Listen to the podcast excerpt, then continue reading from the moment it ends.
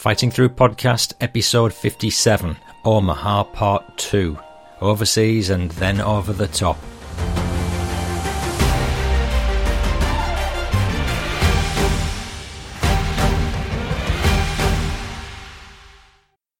Hello again, I'm Paul Cheall and I wish you a very warm welcome back to Omaha Beach. This is the second episode in the series, and this is where the action starts. Just in case it's a few days since you listened to episode 56, in a moment I'm going to read the last half page again just to bring you up to date. And to recap, our valiant American heroes of the 2nd Rangers Battalion have come over from America and settled in various places in the south of England to get acclimatized and trained up. They've been overwhelmed by the warm welcome from the local English inhabitants, and have even been taken into their houses when proper camps or barracks haven't been available.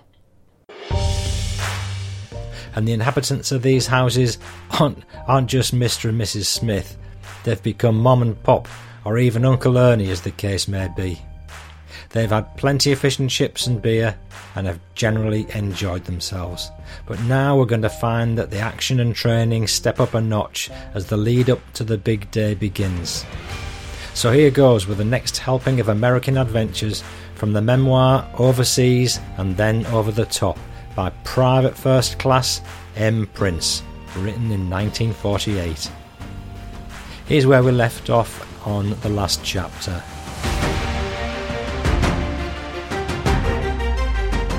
It was here that our Company A Captain Little gave birth to the name of the Ranger as a character. I plainly remember his famous words distinctly. I quote him You fellows have just about broken every rule and law that there is in the Army Regulations Manual. And not only that, when you run out of rules, you made up your own and then went out and broke them. You men are a bunch of characters, and it's these characters that I can't help but like and admire. Their manner, their willingness, and their fighting spirit. That's why I'm so proud to be amongst you and to be one of you. From then on, the Rangers became characters with no two individuals the same. What a fine bunch of soldiers these characters were. I can't help myself when I think of their loyalty, courage, and gumption. I get a large lump in my throat every time I recall these good old days and remember the names of those men. Then I look about and see new and different features and realise that those brave rangers who participated in the merriment of that evening are no longer with us, many gone forever left behind to stay eternally on foreign soil, with only a cross to mark their places, and to remind the world of the heroism and sacrifices of these characters. It was just two days later that we were packed and prepared to move. We bade our dear friends of Bude farewell and then took off for our new location. We were off to learn new skills, to make more friends, and to work hard so as to prepare us for that ever coming day of accounting with our foe across the channel. Chapter 6 Assault Training School, Braunton, Camp. Of all the training, manoeuvres, and operations we Rangers have undergone, about the most interesting and radical we have ever encountered was done at the Army's Assault Training School, which was situated outside the village of Braunton in the county of Dorset. It was here that we learned the most modern of techniques and plans of conducting warfare against a stable enemy's defensive position. It was here that we furthered our acquaintances with such up to date firing devices and weapons as the bazooka, flamethrower, Bangalore torpedoes, beehive charges, rifle grenades, etc. It was here too that we had many practical demonstrations in the use of demolitions, and where we took part in Man a Problem with the mission of destroying huge fortified pillboxes. The work was most instructive and educational, not to mention exciting and interesting. The school thoroughly felt that when a soldier had completed the course at this school, that he was more prepared for actual combat than at any other time of his army career. And now, having been through the grind here, I certainly approve of that statement. Our new homes here were to be Nissen huts on the army grounds on the outskirts of Braunton. This was to be our first time since we came to England that we were to be actually billeted in a real army camp. It almost felt strange to be among all the army personnel that was to be housed at this base.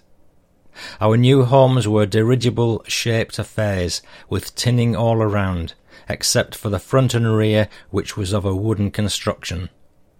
These affairs were supposed to hold approximately twenty men, and that was about the number of men we had in ours. We had concrete floors and we slept on army cots. To provide the heat for these shacks, we had two pot-bellied stoves that were supposed, with emphasis on supposed, to keep the hut warm.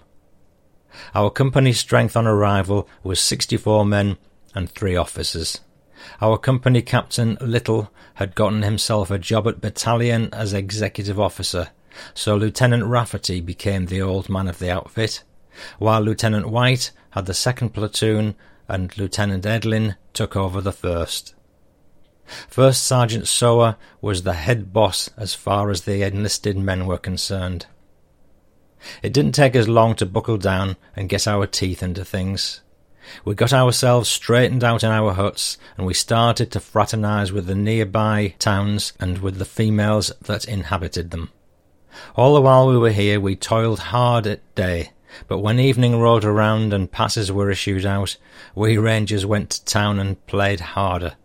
The cities of Ilfracombe and Barnstaple were places of paradise as far as we were concerned, and we took the greatest of advantage of these havens. Our hometown, Braunton, wasn't much of a place, although it did have a cinema, several pubs, and a few fish and chip joints. About the best thing the town could boast of was the railroad and the highway that linked this village to the cities of Ilfracombe and Barnstaple. It was these transportation facilities that gave us all outlet to these cities where merriment and entertainment via wine, women, and song could be obtained. Our training program for the first couple of days consisted of elementary fundamentals. After that came the actual school courses, which began by breaking the company down into individual groups, with each group a different class of instruction. The sections were placed in the following categories Demolition and Explosive Group, Mine and Booby Trap Class, Barbed Wire Obstacles, and a weapons group that combined the bazooka, flamethrower, anti-tank grenades, and individual arms into one class. These specialized groups were coached and instructed by experts in these subjects. More was learned from these qualified teachers than in all our previous training put together. The barbed wire group learned every known way of breaching and crossing that obstacle. The demolitions and explosive group were taught formulas and were shown how to formulate them. The mine and booby trap class got the latest and most up to date information of laying, blowing, and neutralizing minefields. They were shown how to use mine detectors and became versed in the job of probing and seeking by eye and hand for enemy booby traps. The weapons groups absorbed all the knowledge and data these experienced teachers could throw at them concerning firearms. They learned how to use their weapons and when to use them. They got to know the functioning of their arms, and they were made experts on the firing of all guns. During our courses, we found time to improve our physical bodies and to build up excess stamina the hilly and sandy terrain which bordered the heath at Braunton was an excellent route to hike and speed march over, so, so our officers thought. So we rangers carried our tired and weary bodies over this prescribed route, while our rears dragged the ground and our hung, and our tongues hung down to our toes.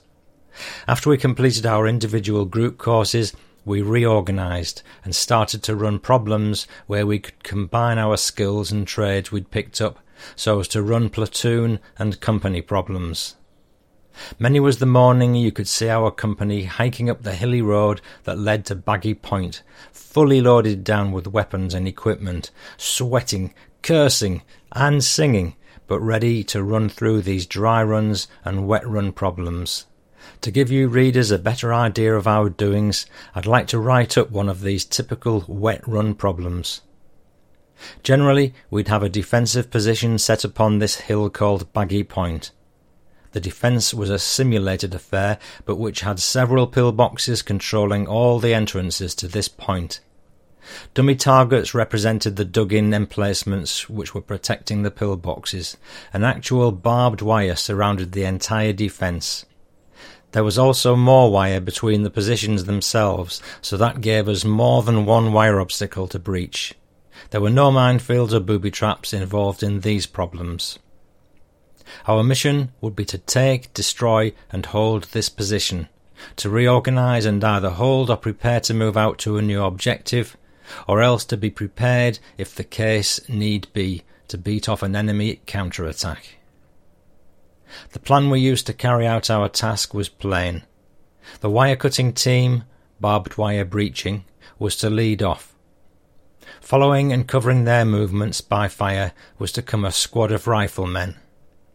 Then, spread out and further in the rear, came the bazooka team, flamethrower team, demolition team, and anti-tank grenadiers, in that order. Our initial advance was to be aided by an artillery and mortar barrage, plus the direct fires of our own 75s, which we'd mounted on half tracks, upon the enemy position.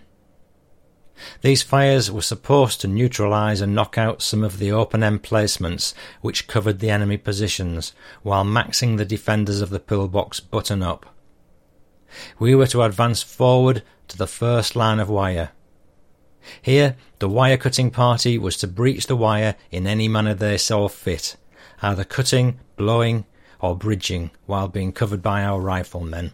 As soon as the wire was taken care of, the bazooka team and anti-tank grenadiers were to take up positions covering the slits in the pillbox, making sure they kept buttoned up.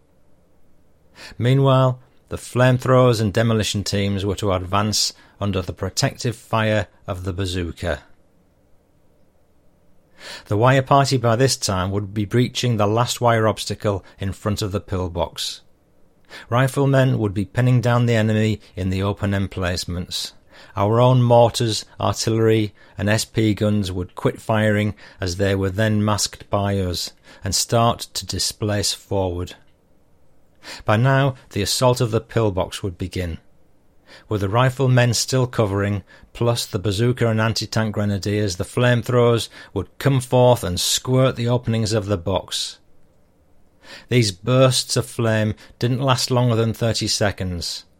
When the last flash burnt out, the demolition team was to run forward and place a pole charge in the same slits, retreat a distance, and to wait the big blow off. When the explosion came, our job was nearly over. A bayonet charge plus the throwing of hand grenades made sure that any enemy playing dead would stop acting. We would overrun the position and take up a defensive position. Generally, the problem ended here, and we'd reassemble and get ready for the critique that was sure to follow. We won all honours in the running of these problems. The commendations and praises heaped upon us by the school's officers were most gratifying, and more than atone for the honest and arduous labours we'd exerted in the undertaking of these exercises. After this course was completed, we began a new phase of training. Already the big dealers at Battalion HQ knew the part that we Rangers were to play in the coming assault on Fortress Europa, so that we started to undergo problems that were to be similar to those on the oncoming invasion plans. We ran several problems in conjunction with the Royal Navy, and then we underwent exercises concerning a simulated flank protection of a division. To finish off this phase of training, we underwent a two day and night exercise. We combined our amphibious knowledge with our fighting skill on land. It was a tough, rough problem and very realistic. This problem gave us our first inkling of what we were to expect when the day of the invasion rolled around. It was during this exercise that we first boarded our mothership, which was eventually to bring us across the Channel on that fateful day of June the 6th. It was there we struck up our first friendship with this boat and got our first taste of being aboard a ship of this type. A couple of days later, on April the 27th, saw us on the move again. We were still 64 men and three officers strong, and strong in every sense of the word. We'd trained and worked hard. We'd had our fun, and now we were prepared to tackle anything the army threw our way. Our cockiness and confidence had taken on a new life. This school had presented us a difficult and obstinate course to go through, but in good Ranger style and fashion we'd overcome this. We'd gone on to a greater success than any other unit who'd ever attended here. No wonder we were proud and so sure of ourselves. Chapter 7 Dorchester Staging Area Our next destination in the travels and exploits of the Rangers was to be the pleasant country site just outside the city limits of Dorchester, county of Dorset. Previously, we'd always been billeted in buildings or structures, but here we were to taste the famed way of army life. Life in a tent, since we'd left the States, we'd hardly seen a tent, less live in one, so that now we were getting reorientated to this old way of army living. It wasn't hard to renew this style of living, as weather conditions made this outdoor life ideal. The immediate countryside, with its pretty primroses, shady trees, running streams, didn't detract in the least in the joy of leaving this primitive type of existence. Our area was in an open field, which was hemmed in by tall trees, under whose cover our tents were pitched. We were fairly overcrowded in our homes, as space was limited. The first couple of days we stayed there, we didn't have much to do, so we relaxed, refreshed, and soothed our nerves by absorbing the beauty of the land. The 29th Infantry Division was also bivouacked in this vicinity. We struck up a friendly relationship with these men, and those does were a swell bunch of GIs. It wasn't hard to get chummy with them. It seems as though they too were here for the same reason we were. It appears that we were to pull off a gigantic amphibious exercise with both our units participating. Our outfit was to give them flank protection, which was similar to what we'd trained for in the overnight problem at Braunton. Until now, our training and operations had been done by ourselves, alone. We'd always simulated troops to be on our flanks, etc. Now these make-believe soldiers were to be reality, and our days of simulating were to be ended. This gives one a fair idea on the workings and plannings of the entire army as it starts progressing from the lone individual up to the division and then still further till corps and army size are reached. For example, first the individual soldier is given basic training. When he completes that, he's put into a squad. Then this squad takes its place in the section, then the section into the platoon, etc., until the end of the line is reached, where divisions become an integral part of the corps and a complete picture of the army is painted. We had a slight misfortune a day before we ran this giant amphibious problem. A few of our boys came down with stomach ailments. They had to be hospitalized. Otherwise, when time came to entruck, we were all in good shape and in the pink of condition and ready for the task at hand. We boarded our mother ship at the great channel port of Weymouth. It was the same ship we'd had during that overnight exercise at Braunton. We took our same places that we'd originally had to avoid new confusion and disorder. That completed phase one of the problem. Our ship was a modern Belgian passenger craft. It had been completed about a couple of years before the war had started, so there had to be some work done on the boat in order to convert it into a landing craft infantry. It held from 200 to 250 troops, plus its crew in its towholds below the deck. Attached to the upper deck there were eight craft for assault landings, LCAs, which by means of pulleys and ropes lowered and raised these crafts to and out of the water. The ship was manned by a capable and experienced crew of English sailors who'd already seen action in this very ship at Anzio, Sicily, and Africa, and who'd come out of these conflicts with very light casualties and no damage done to the craft itself. We spent three full days on the ship before we loaded into the LCAs to make the assault landing on the beaches, somewhere off the southern coast of England. We hadn't moved, we'd just lain anchored in the great bay of Weymouth, surrounded by similar craft and protected by an ever watchful and ever alerted line of cruisers and destroyers. While on board ship, we didn't do much. Some physical training, a couple of boat drills, and a lot of gabbing and eating. Our chai was limey food, which wasn't exactly the best of nourishment, but it was sustaining and satisfying. To supplement this, we had several cases of our own 10 in 1 rations, which gave added balance to the diet. A store aboard ship received a good deal of our business, as there we could obtain chocolate, canned fruits, cookies, and other articles of eating that pleased our palates. We managed to while away our leisure hours by sunbathing on deck, sleeping, reading, writing, shooting the ball, or any other way we saw fit. Physical exertion was held down to a minimum as the days were too beautiful to be spent labouring. We struck up friendships with the crew members, and many hours were spent in exchanging tales and stories. They had a decided advantage over us in this relating business, as they'd already tasted combat, while we as yet were strangers to warfare. The third morning aboard saw us loading into our LCAs in preparation to make the assault run onto the shore. We were gently lowered into the water, with no motion being wasted. Our crafts then took off for the beach. We launched a successful attack as we overran the beach defences and took up positions on the flank of the 29th Division. We coordinated our efforts and continued to press forward. We had to hold up when the 29th stopped, as we had to await further orders from them. That evening found us bivouacked in a field some five miles from our point of landing. The first phase of the problem on land was now completed. The exercise was called off for the night, and we became administrative. We'd done our part that day, and we'd done it well. The next morning, we resumed the attack. We continued our line of advance by tactically advancing over a prescribed route, using the roads as much as was permissible.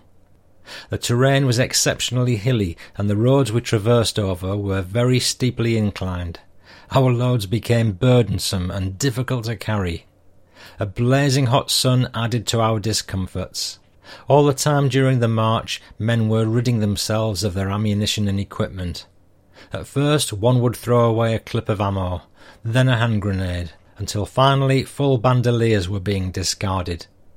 By the time we reached our final objective, the men were only carrying the very essentials needed for a fight. That night, when the problem ended, we were bivouacked in the field several miles from our initial starting point. We were all tired and exhausted by the ordeal of that day.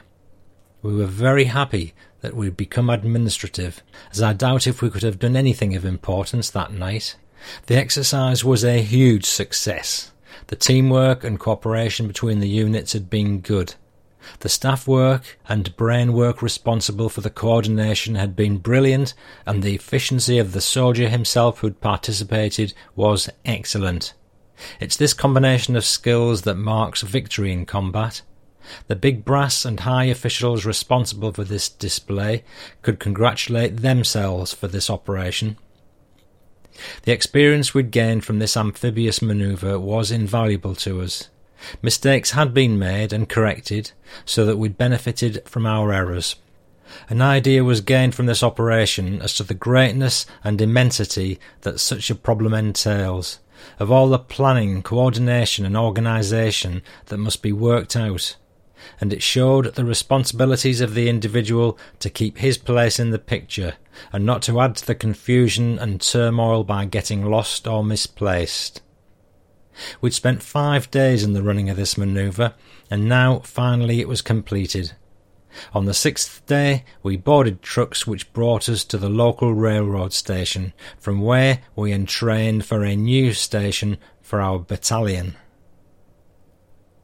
Our train ride was spent in reviewing the results of the exercise and also in deep meditation. We began to realize that time was growing short for us, that things were beginning to add up and point in the direction of invasion. Our air offensive was sharply increasing in both volume and intensity, and the weather was gradually becoming suitable for operations in the Channel. And these large scale manoeuvres meant only one thing a dress rehearsal for the coming real McCoy. Chapter 8 Swanage Our entry into the city of Swanage, county of Dorset, wasn't much of an affair. We detrained and proceeded to make our way to our new home, which was to be a schoolhouse that sat on the crest of the hill overlooking the bay at Swanage. Our brother companies, who preceded us to the town, were on hand to welcome us. It was good seeing them. Our brother companies, who preceded us to the town, were on hand to welcome us. It was good seeing them, as we didn't get much opportunity in those days to see the other companies in the battalion. Greetings and formalities were exchanged as we wended our way through the town to reach our new billets. We were rather well billeted in our new home. The schoolhouse was a spacious building, and it had all the facilities and accommodation of modern housing. We were comfortably quartered, so we made ourselves at home without making any fuss or wasting any time about it. I'll never forget our first run in with the people of this town. It seemed as though the American troops who'd been billeted before us and had just departed from the area had warned the local residents that the Rangers were a bunch of hoodlums, gangsters, and prisoners who were out on parole. They had said they'd assembled us out of volunteers from state and federal institutions and were letting us do the dirty and dangerous work of the army. So when we first started to walk around the town during our leisure time, we began to receive funny and inquisitive looks. The weaker sex particularly didn't have anything to do with us, shunning us as though we all had BO. Well, finally, the truth and reason for this snobbing leaked out, and it didn't take long until we straightened things out and proved to these people the kind of soldiers we Rangers were. Things were patched up and amended, and the whole thing was written off as a farce. I have to chuckle to myself every time I recall this affair. Rangers being gangsters and prisoners. Why, it's a known fact that no member of the armed services can enter our elite group who has even the slightest mark or demerit on his service record. The city of Swanage was a typical commercial and prosperous looking resort town on the south middle coast of England. Its lovely beach and the majestic hills enclosing the town attracted many tourists and visitors to spend their vacation here. The cool, clear ocean and the white, sandy beaches were a delightful part of the town's features. The community itself could boast of several hotels, a couple of movie houses, innumerable pubs, cafes, and other such businesses as one would expect to find in such a city. Swanage, being a coastal town and having a bay suitable for harbouring ships, was a natural target for the enemy Luftwaffe. So far, except for our stay in Folkestone, we'd never had much trouble from the Luftwaffe. Here, though, every night we were to undergo an actual air raid. About two or three in the morning, our sleep was to be surely interrupted by the warning sirens. If that didn't do it, then the thunderous noise caused by the firing of the ack and machine gun units on top of our hill certainly would. Most of us never left our beds, just pulled the covers over our heads and hoped and prayed that the Jerrys wouldn't drop any bombs around our place, and they didn't. We were too lazy and too tired to run for the air raid shelters. In fact, no one ran for the shelters, not even the civilians. A lot of trust and faith was had in the English air defences, and after having seen some of their work, I can easily see the reason for that. We continued on with our training, with emphasis being placed on cliff scalings.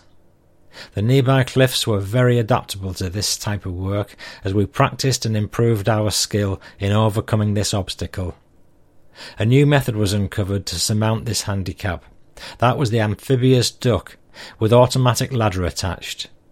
We used to make beach landings in this vehicle, press the button, and watch as the ladder shot skyward 100 feet, place it against the cliff, and then clamber up. Stress was also placed on the amount of ammunition we were to carry during our attack.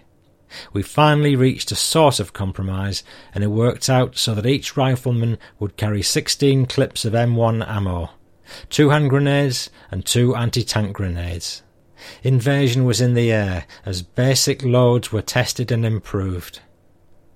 New supplies and equipment were issued, and a close check was made to ensure that everything that was to play a part in the coming assault was in good working order. Yet, with all this hustle and bustle, we still found time to visit town each evening.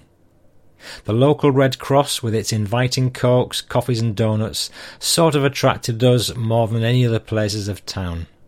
I can also say that the pubs and cafes also fared well, thanks to our patronage.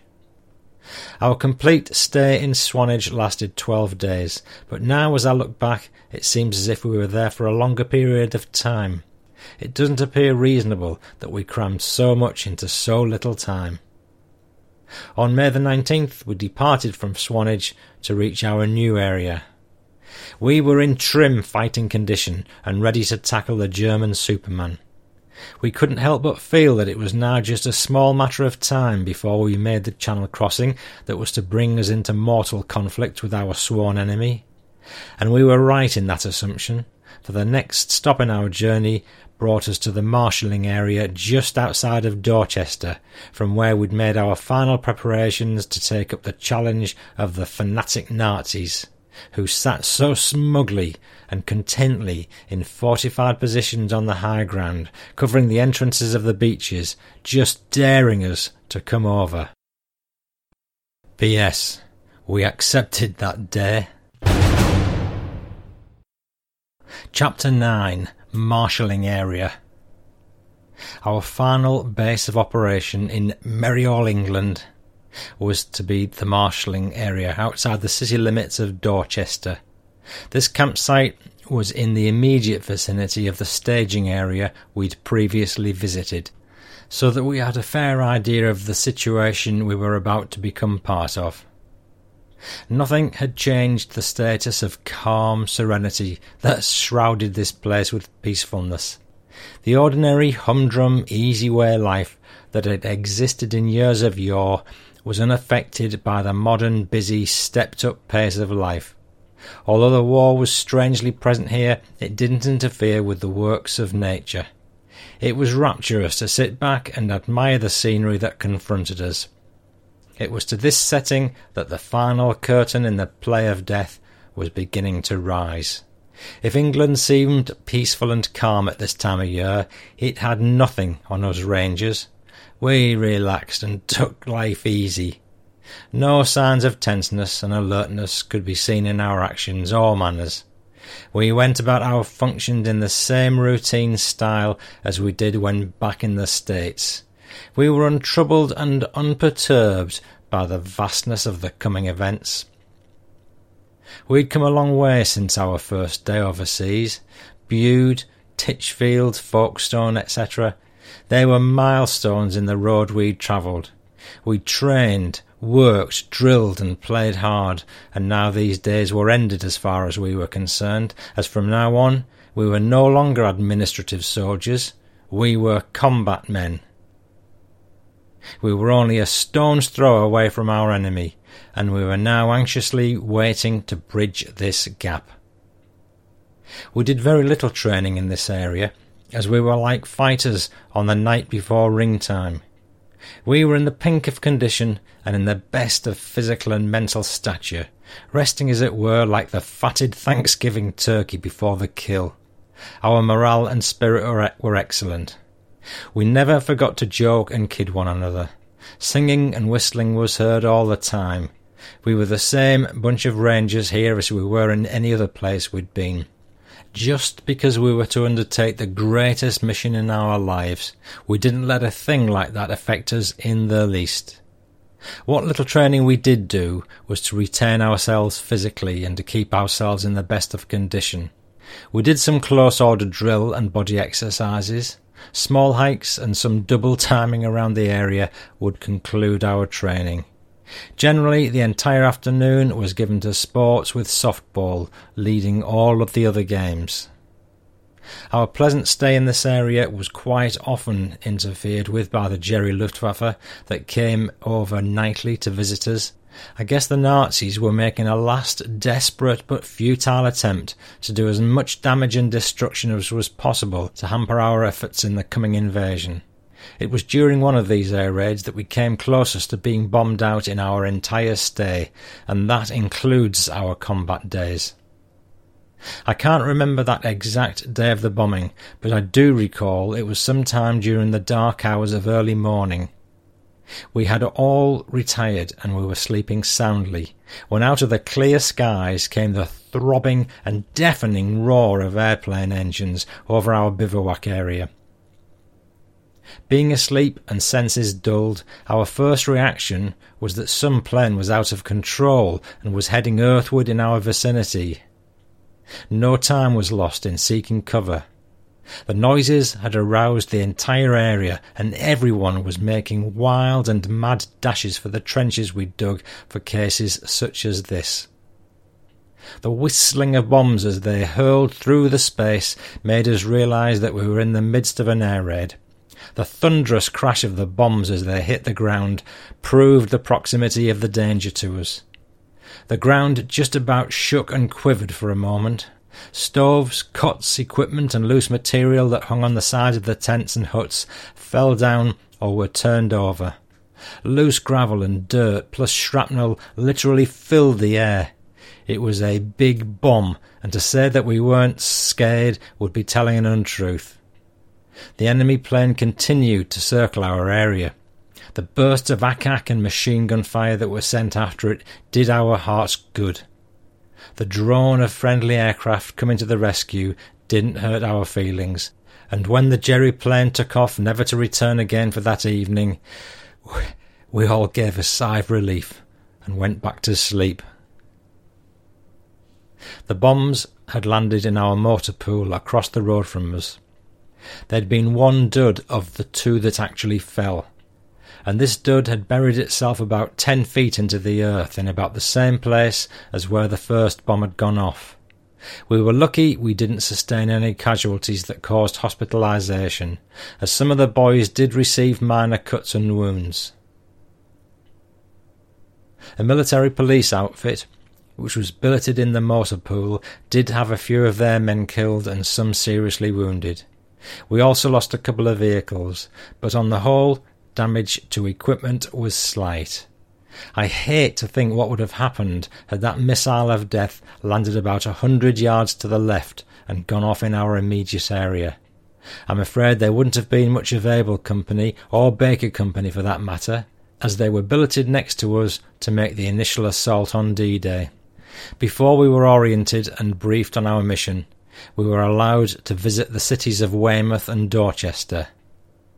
Both these places are fairly large and therefore have many recreational facilities to entertain the GIs, so we found out. Our main trouble lay in getting transportation. Since these cities were four or five miles away from our campsite, and being most of our vehicles were either red-lined or being prepared and waterproof for the coming invasion, this was a task in itself. Many was the road march we were forced to take because of the lack of motorized conveyances. It was at this place that we made our final preparations for the invasion. We stripped down our equipment and supplies to the barest of essentials. We put all our belongings, plus that of four other men, into one duffel bag, while the rest of our possessions had to be either given away, turned in, or carried on our backs. We were issued our basic loads of ammo, plus an extra first aid kit which had a morphine syrette and tourniquet in it. Two life preservers were also handed to us for emergency use on the channel. We moved from our original field to another area a bit further down the road. What had been the cause for this exodus I'll never know, except maybe the bomb dud, which had as yet not been removed, marked our former area as a danger zone. It was in this new area that we received a fighting talk by the Commander General of the famous 1st Infantry Division. He didn't speak long, and he didn't say anything new. He did heap his praises on us for our fine reputation and splendid showing, and that he was proud that we were going to operate together in the same area when we crossed the Channel. The speech was most flattering and heartening. I'll never forget that day in the last week of May when our platoon leader, then Lieutenant White, gathered us together in one of the pyramidical tents and simply said, Well, men, this is it. Then he calmly proceeded to unroll the maps and charts he'd been carrying under his arm and began to orient and brief us on the coming invasion. Due to the high secrets of these documents and maps, plus the danger and hazardness of our mission, these papers had to be destroyed the chance they fell into enemy hands. So now my records are very incomplete concerning the plans which were handed down to us about the part our battalion was to enact in the coming invasion. Please bear with me and forgive me if any discrepancies appear in the following paragraph. Well, it seems like the battalion mission was to occupy the high coastal ground at Pointe du Hoc, France. This vital piece of terrain commanded all approaches to the beaches in this area and was heavily fortified and able to deal out destruction to our crafts in the nearby waters. In order to ensure our assault landing, this piece of heavily fortified ground had to be captured. Pointe du Hoc became the target for the Rangers. There and then. The Heinies had built up a formidable and practical defence here and had considered it impregnable to attack. There was a battery of six huge 155s long range guns which menaced the sea entrances and shipping in the surrounding waters. These huge guns were casemated in large concrete pillboxes whose thickness exceeded six to eight feet in depth. These structures were further protected and covered by anti aircraft defences a series of tunnel-like communications trenches, and open emplacements for both their automatic weapons and riflemen. To supplement this, there were light artillery pieces and mortars, plus an intricate arrangement of minefields and deceptively placed booby traps. Encircling the entire position were large bands of barbed wire, both of the concertina and double apron fences kind. The point or point itself was a massive fortress which lay on the top of a cliff. This cliff was surrounded on three sides by water and was a sheer drop of over a hundred feet from the top to the rocky beach below. So that now, as we studied the enemy's situation, we could well realize why cliff scaling had been of such importance in our training. No wonder Hitler himself had boasted of the impunity of this position and of the foolishness of the Allies to ever think, lest try, to break through this impregnable fortress. The exact number of enemy personnel operating all the guns and batteries here were unknown to our G2, but it was estimated that a good guess would place the enemy's troops at 150 to 250 men.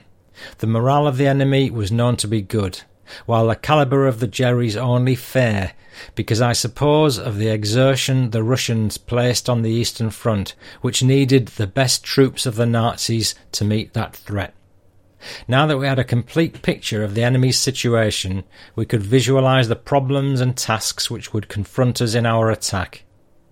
We saw that we'd have to overcome a position which was defended in a manner which the military genius of the Nazi had strongly erected while to top this off, they had selected the most inaccessible piece of terrain to construct this defence on, so that not only had we to fight our way forward once we touched shore, but we first had to overcome the obstacle of a sheer cliff that Mother Nature had so fortunately provided for the Germans in order to get into the fight.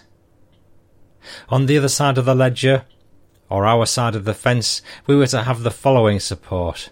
An aerial bombardment on the Pointe du Hoc a few minutes before touchdown, or H hour, which was to be the greatest concentration of bombs ever rained down on one area at one time in the history of aviation.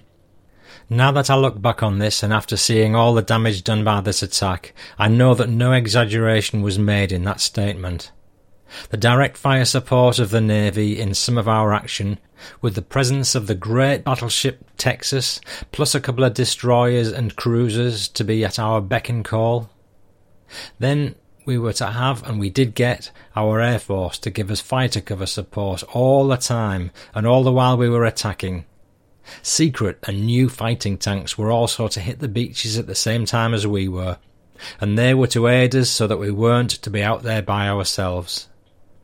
Meanwhile, paratroopers and glider troopers were to have parachuted and glided to earth somewhere in the rear of the enemy, cut off his communications, cause disorder, chaos, do damage, inflict casualties, and tie up the enemy's reserves.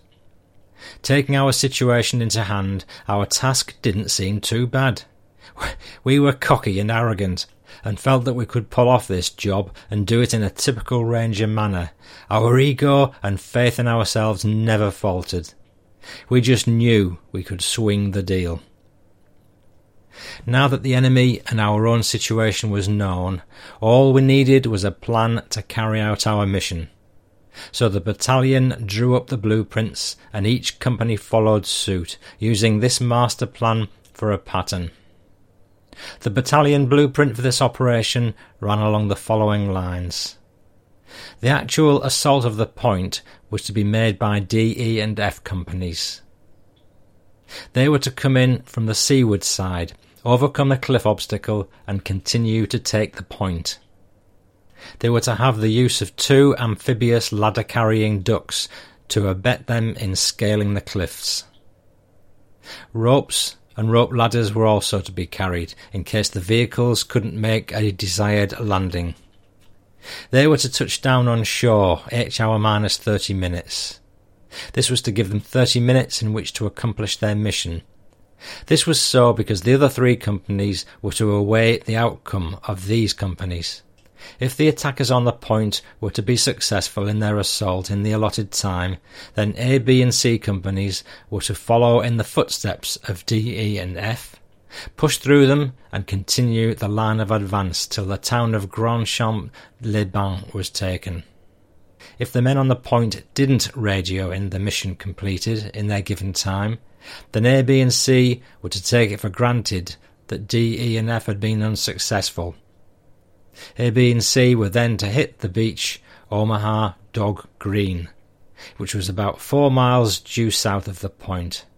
They'd then push up the coastal road and attack the point frontally and try to contact their brother companies who were to be in that vicinity. Besides the battle plan which was drawn up for us, there had to be certain administrative arrangements to be taken care of. Communications and signal systems had to be arranged not only between the attacking forces, but also between us and the Navy. Aid stations and supply bases had to be found and made accessible to us. Command posts and observation posts had to be picked out, and a million and one other minor and important details had to be planned out, so each man would know exactly the minutest of details and know precisely how everything fitted together in this giant jigsaw puzzle. We were endlessly briefed and oriented on our roles in this coming drama. We intensely scrutinized maps and remembered all the day terrain features which were to be in our zone of action.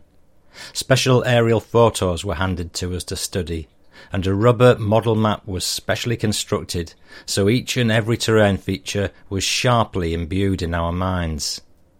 We got so that every man could have manoeuvred over this land blindfolded, although we'd never seen that piece of ground in our lives before.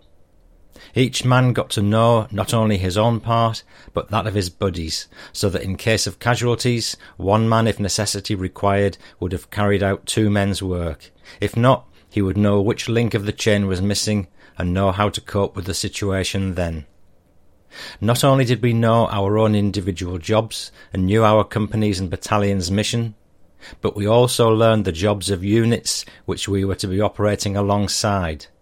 We got so that we knew every angle of the big picture, and there wasn't a thing in the entire army's plan of battle that we weren't familiar with. And we found ourselves aboard the same Belgian ship which had carried us through on our previous manoeuvres. It was like old home week. We made ourselves as comfortable as was possible and settled down to enjoy our coming trip across the Channel. We'd left the marshalling area fully prepared for the invasion. We were loaded down with our equipment and basic loads. We'd come down to our jumping off place, Port of Weymouth, in enclosed trucks. Our morale and spirits had never been better.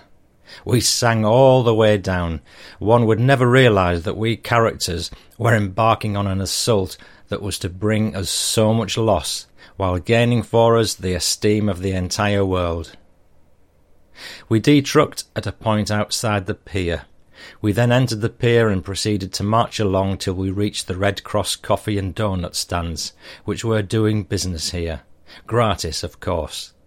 We partook in our last coffee and doughnuts on the shores of England with hearty gusto and great gulps.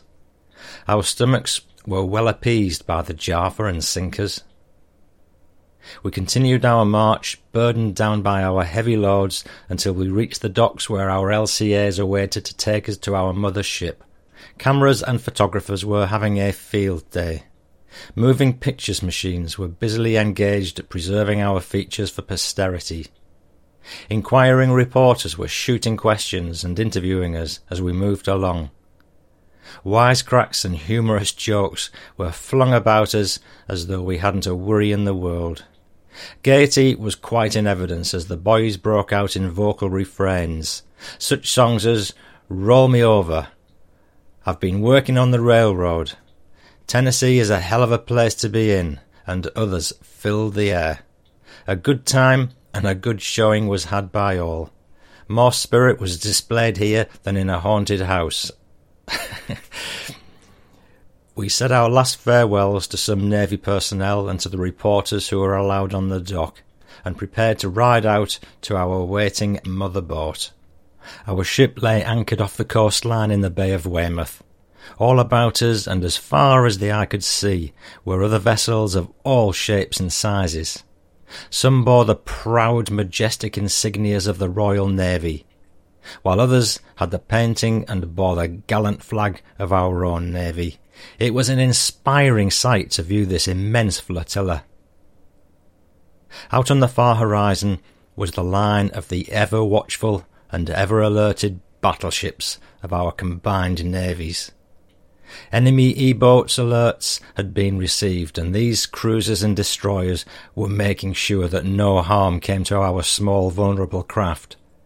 The huge, friendly-looking anti-aircraft balloons that protected the city of Weymouth presented a pretty picture as they lazily floated about the upper stratosphere. The friendly aircraft that were continually roving overhead gave us the assured feeling that we were being well taken care of, such as a mother bird protecting her little ones.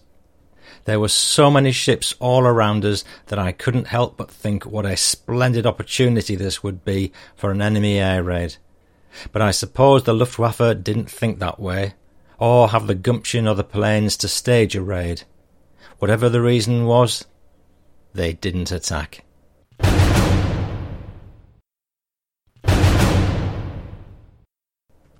Chapter 10 Invasion Boat Once more we were to find ourselves aboard that same mother ship which had been our home in previous manoeuvres.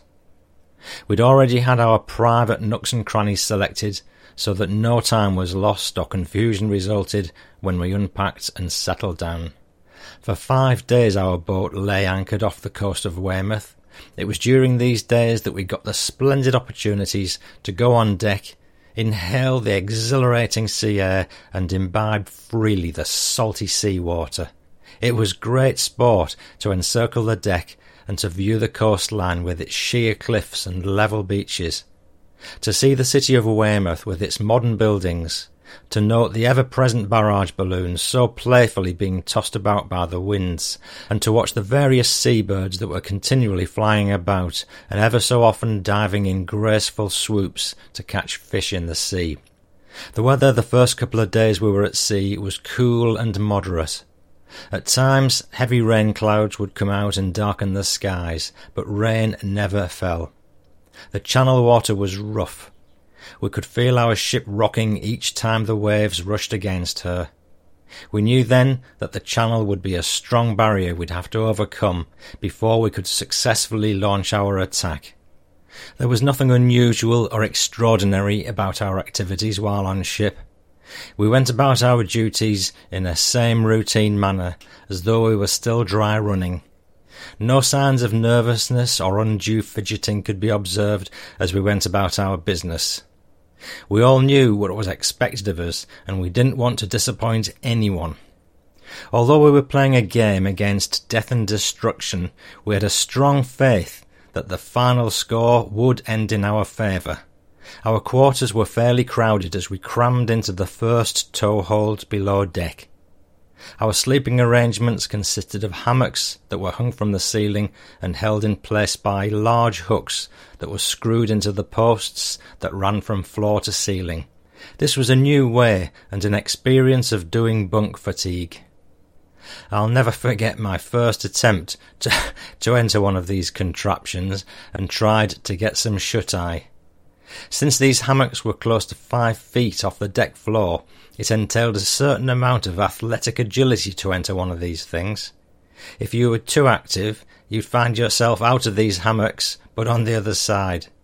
If you weren't much of an athlete like myself, you'd find yourself with one leg in and one leg out, swinging to and fro like some comedian doing acrobatics. At first, I thought I'd never make it, but with a tenacity born from a desperation to get some sleep, I finally made it. Now that I'd gotten in, all I had to do was curl my body into a question mark and try to get some forty winks.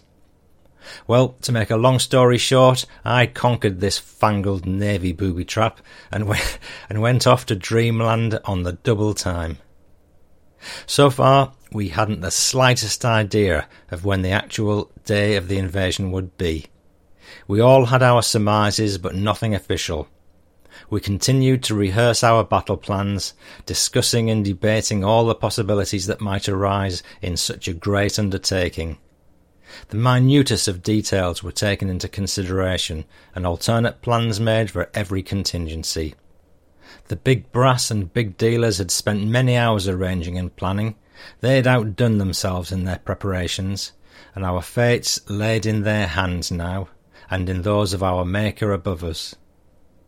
Our ammunition, weapons, and equipment were continually being checked to make certain that they were in the best of working order. Our life belts were tested to make sure they wouldn't fail us if the emergency arose to use them. Nothing escaped our vigilance. While on board ship, we had one change made in our company. This change was decided on for the better, as our company lieutenant, Lieutenant Rafferty, got himself promoted to captain. He'd finally made his rating, which he'd so righteously worked for and earned for himself. Congratulations were extended and hands were shaken. There were other promotions made of other officers in the battalion, so that to celebrate this occasion a party was thrown for them. There were lots of drinks present, and it was only natural that some of this liquor be handed down to the enlisted men, so that he too could share in the merriment. That evening everyone went to bed happy, with all worries drowned and forgotten. We finally received the word. 7 a.m., Monday, June the 5th, would be H hour, so on the evening prior it found us in full and complete preparedness. The weather was cool and cloudy while the channel water was rough and turbulent. A last minute's cancellation gave us a new lease of life for 24 hours longer. Not that we wanted or needed it. In fact, this was a bad break, as we felt like condemned men who'd received a reprieve for a day. We'd been anxious to get it over with, and now we were to be delayed. Oh well, maybe it was all for the better. As after all, even though we knew we could beat the Heinies, the channel was too much even for us Rangers to buck. So we went back to our hammocks and got ourselves that extra day's rest. The day of June the 5th found no difference in the atmosphere in the boat. It was spent in the same uneventful manner as any other day previously spent aboard. The same men who generally did the debating and arguing on the merits and demerits of certain parts of the plan were heatedly going strong in their discussions, while the men who were always lazy lounged and slept in their rat holes, as we nicknamed our hammocks. Then the same bunch of card players were having their usual games, and from the interested and concentrated looks upon their features, one would never know that these men too were about to take part in an invasion. Invasion or no invasion, that card game had to go on. What a group of men, everyone as unperturbed by the coming historical event as a thick skinned rhinoceros with a fly on its back. Then there was a section of men who were more conscious of the facilitation of carrying and hauling of equipment during the attack. Original and novel methods were demonstrated, such as extra pockets sewn on the pants leg, which made a good carrying place for grenades. Another was the taking off of the meat can carrier and placing it behind the cartridge belt for a similar purpose. Other minor details were brought to our attention which would make the individual soldier's burden much lighter and much easier to carry and handle. Nothing great or inventive, but surprisingly helpful to the GI in the coming assault. That evening, our ship hauled anchor and sailed out, keeping its rightful place in the vast fleet. Our new D Day was to be June the 6th, while 0700 was set as H hour. The waters that separated us from the enemy was finally being gapped. In our minds, we reviewed our parts of our mission, and which would it be would it be to follow DEF companies up the cliff or land at Omaha Dog Green? Whatever it would be, history was now in the offing.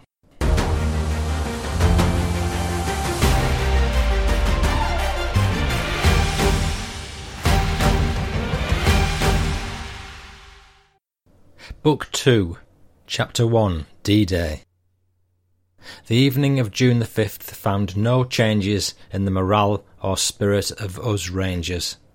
Appetites hadn't lost one iota of their fullness. There was the same quibbling and quarrelling over the chow as there always had been. We Rangers were just as hungry on this evening as on any other evening. Sometimes I wonder if these brave men fully recognised and realised the dangers in the parts and roles they were to be playing. I honestly and truthfully believe they knew, but were too manly to let it get the better of them and to show it. I also believe that in every task they'd previously handled, they'd made such a good showing of the job that they'd acquired a confidence in themselves and in each other so as not to let a thing like the invasion get them downhearted. It's small wonder that a ranger will cockily walk along the streets of life with two ranger patches boldly emblazoned, one on each shoulder, and in fancy embroidery, and challenge anyone or all that dares cross his path. Our ship was making slow progress as it steadily cleaved its way through the choppy waters of the channel. The ship was lurching vehemently as the rough seas swooshed against it, we held our course, though, and kept our place in the Armada. We retired early that night as we were to load into our LCAs at 3 a.m. This was because they wanted us off the mothership as she presented too large and compact a target to the enemy, whereas in our small LCAs we were a much smaller target and better deployed. I suppose all our thoughts that night were of the invasion. We couldn't hold off any pretences to ourselves any longer. So far, our only hint of such an operation had been our realistic but simulated exercises off the English coast. Naturally, these problems were hard physically, but we had no casualties and were always able to keep together and retain our control. What would happen if casualties would arise and control become lax? This and a million other problems haunted our dreams that last night aboard ship. It was pitch dark when the time came for us to load into the LCAs. Our mother ship was now anchored about thirteen miles off the French coast. The water was beating furiously against our boat.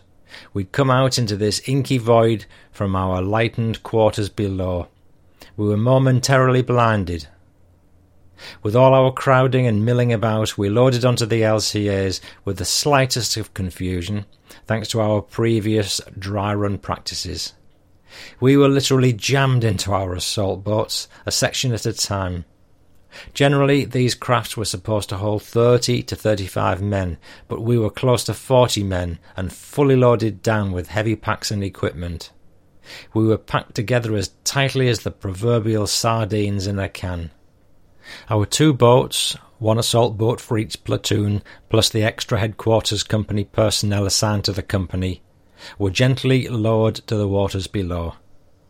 Our boats bobbled about like a tiny cork caught in a riptide. The channel on this side was much rougher and choppier than on the English side. The incoming spray dampened and soaked us through and through. The night was terribly cold, and the water colder, so that besides being uncomfortable, we were miserable to boot. Dawn was beginning to break. We were as yet drifting about. So far we hadn't been fired on by the enemy, and neither had our naval guns opened up. I was sadly mistaken in the concept that I was a good sailor, as the effects of the up and down, to and fro motion of our frail craft made me and a good many other boys horribly sick. Puke bags which had been issued to us prior to our embarking the LCAs came into good play. A few boys were leaning over the rails trying to revive themselves by having the onrushing waters wet their faces. Expert handling was needed to keep our LCAs on their courses. It was most fortunate that we received this skilful manipulation. Zero hour for the other companies to land on the point was now approaching. A rending and thunderous aversion of shells whizzing overhead signalled the beginning and the breaking loose of all hell. Our supporting navy was starting its softening up process of the enemy's beach defences.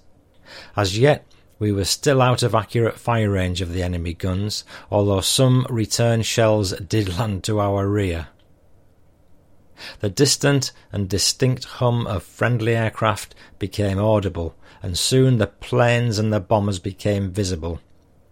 I personally couldn't appreciate or take notice of the greatness of our attack, as my face at this time was deeply buried in the puke bag. Our lieutenant, who was watching the proceedings, gave us a fairly descriptive resume anyway, as much as his advantageous position allowed him of the raging battle. By this time we could picture our brother companies scaling the cliffs and assaulting the point. We could actually see the returning bombers as they flew back to their bases. They'd completed their part in the neutralization of the point. More enemy shells began to land in our vicinity. Our own navy guns were still firing away.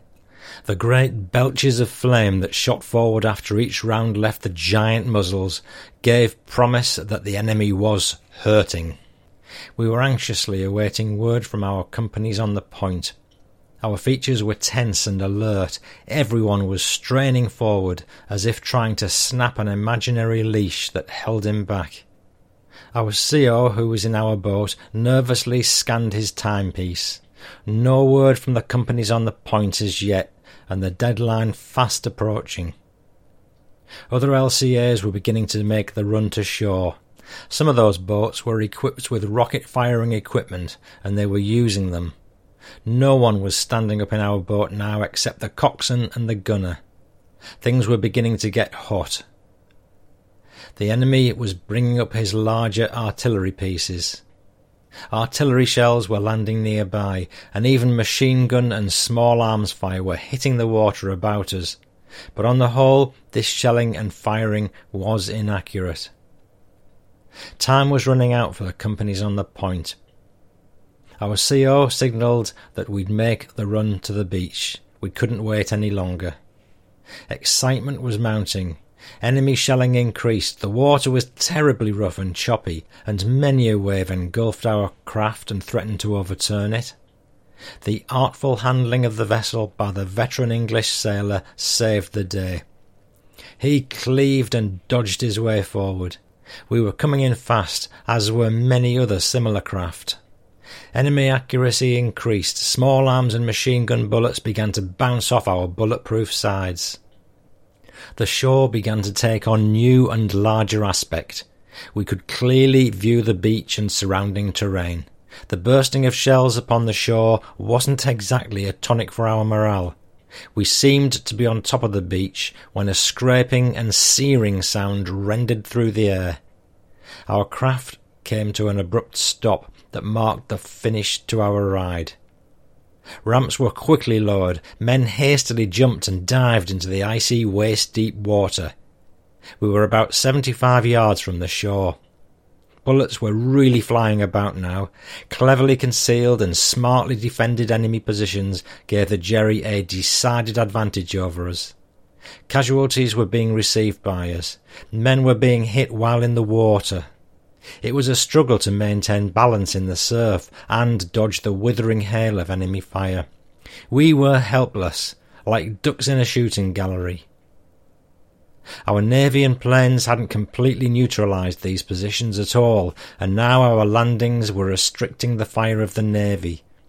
It was up to us, the foot slogger, alone now. The cold water, the excitement and confusion gave me and the others who were sick a quick cure. I looked back and saw what had caused our craft to stop. It wasn't a sandbar as I'd originally surmised, but underwater obstacles that had been placed there by the enemy. Thank God they weren't mined. On the left, a breached LCI stood smouldering and burning. On all sides of us, dead bodies of Americans. GIs were floating around. We had no feeling for them, but now we had a score to settle with those dirty Nazis. Our men began to spread out, to deploy, and to reorganize into their squads and sections upon reaching the shoreline. Our return covering fire was inadequate and inaccurate. Our only hope and salvage lay in reaching cover on land and storming the enemy in a frontal attack. Our fighter planes, meanwhile, were dealing out death and destruction to German artillery positions in the rear, but enemy mortar and small arms fire were causing us many deaths and other casualties. We gained shore and found momentary respite on a pile of rocks that ran parallel to the water's edge, about one hundred yards across the beach. But before we'd reached this cover, we had to go through a curtain of lead and chance a continual artillery barrage which covered this entire section of open beach. Men were stripping themselves of their packs and excess ammunition. They'd become waterlogged and were too much of a hindrance to carry. Lifebelts were also shed as we dashed to the precarious safety afforded us by the rock pile. All those that reached this cover did so by sheer luck rather than skill. Murderous enemy close range automatic fire was sweeping everything in sight and mowing down soldier after soldier. We were exhausted and tired on reaching the rock pile. There seemed to be no end to the enemy resistance. Another hasty reorganization of the squads present was made. We were fighting mad. We dished into the fray in headlong flight, shooting up everything that looked like the enemy. Other soldiers plus rangers were now running and dashing about with us rangers out in front. We were getting closer to the enemy, and already some of our boys were assaulting their positions. The popping of hand grenades and the flashing of bayonets put an end to many a Chinese activity. Tanks which had floated in on the beach began to give us covering fire and neutralized a strongly encased enemy machine gun position that was covering the beach. You couldn't help but admire the cleverness and the stratagem of the Jerry defences. They'd built their lines well, taking advantage of the commanding terrain and using a skillful system of camouflage to conceal their defences. We'd been under their observation at all times, while we had difficulties in locating from where they were shooting at us. Rangers were beginning to assault the hilly defences of the enemy, using automatic weapons, rifles, hand grenades, and other arms that they'd been equipped with. There was no stopping us, though enemy fire was taking its toll. Teamwork plus individual ranger initiative was driving the enemy from his covered position. Prisoners were being taken, but not for long. We didn't have the time and men for them. Anyway, we couldn't bother with them. Once we'd gained a foothold on the hill, we were in a position to flank the enemy strong points. Another hasty reorganisation was effected. We relentlessly drove and forged ahead. One emplacement after another was wiped out. Enemy artillery wasn't as heavy on the hill as it was being poured down on the beaches, so we weren't harassed too much by shelling. Sniper small arms were about all the enemy resistance being put up now. A few of our combat patrols quickly took care of that. We were in a giving position now. Our true and accurate firing was putting the final touches to the lives of the fanatical Germans. We'd seen our buddies fall. Now we were avenging them with a fury that knew no bounds. We were unmerciful and cruel, but he who lives by the sword must die by the sword. That morning brought many a Jerry face to face with his Maker.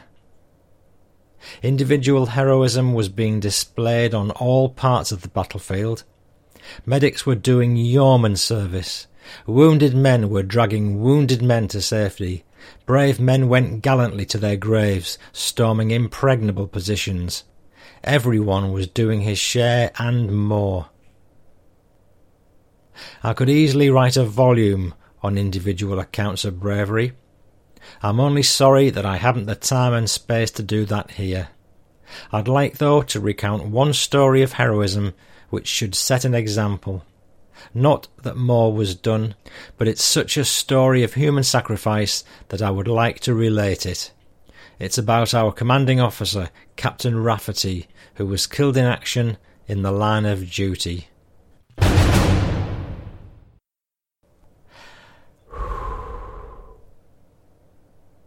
Well,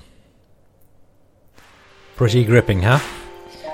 There we will leave it until the next episode, which I will try and get out to you as soon as possible.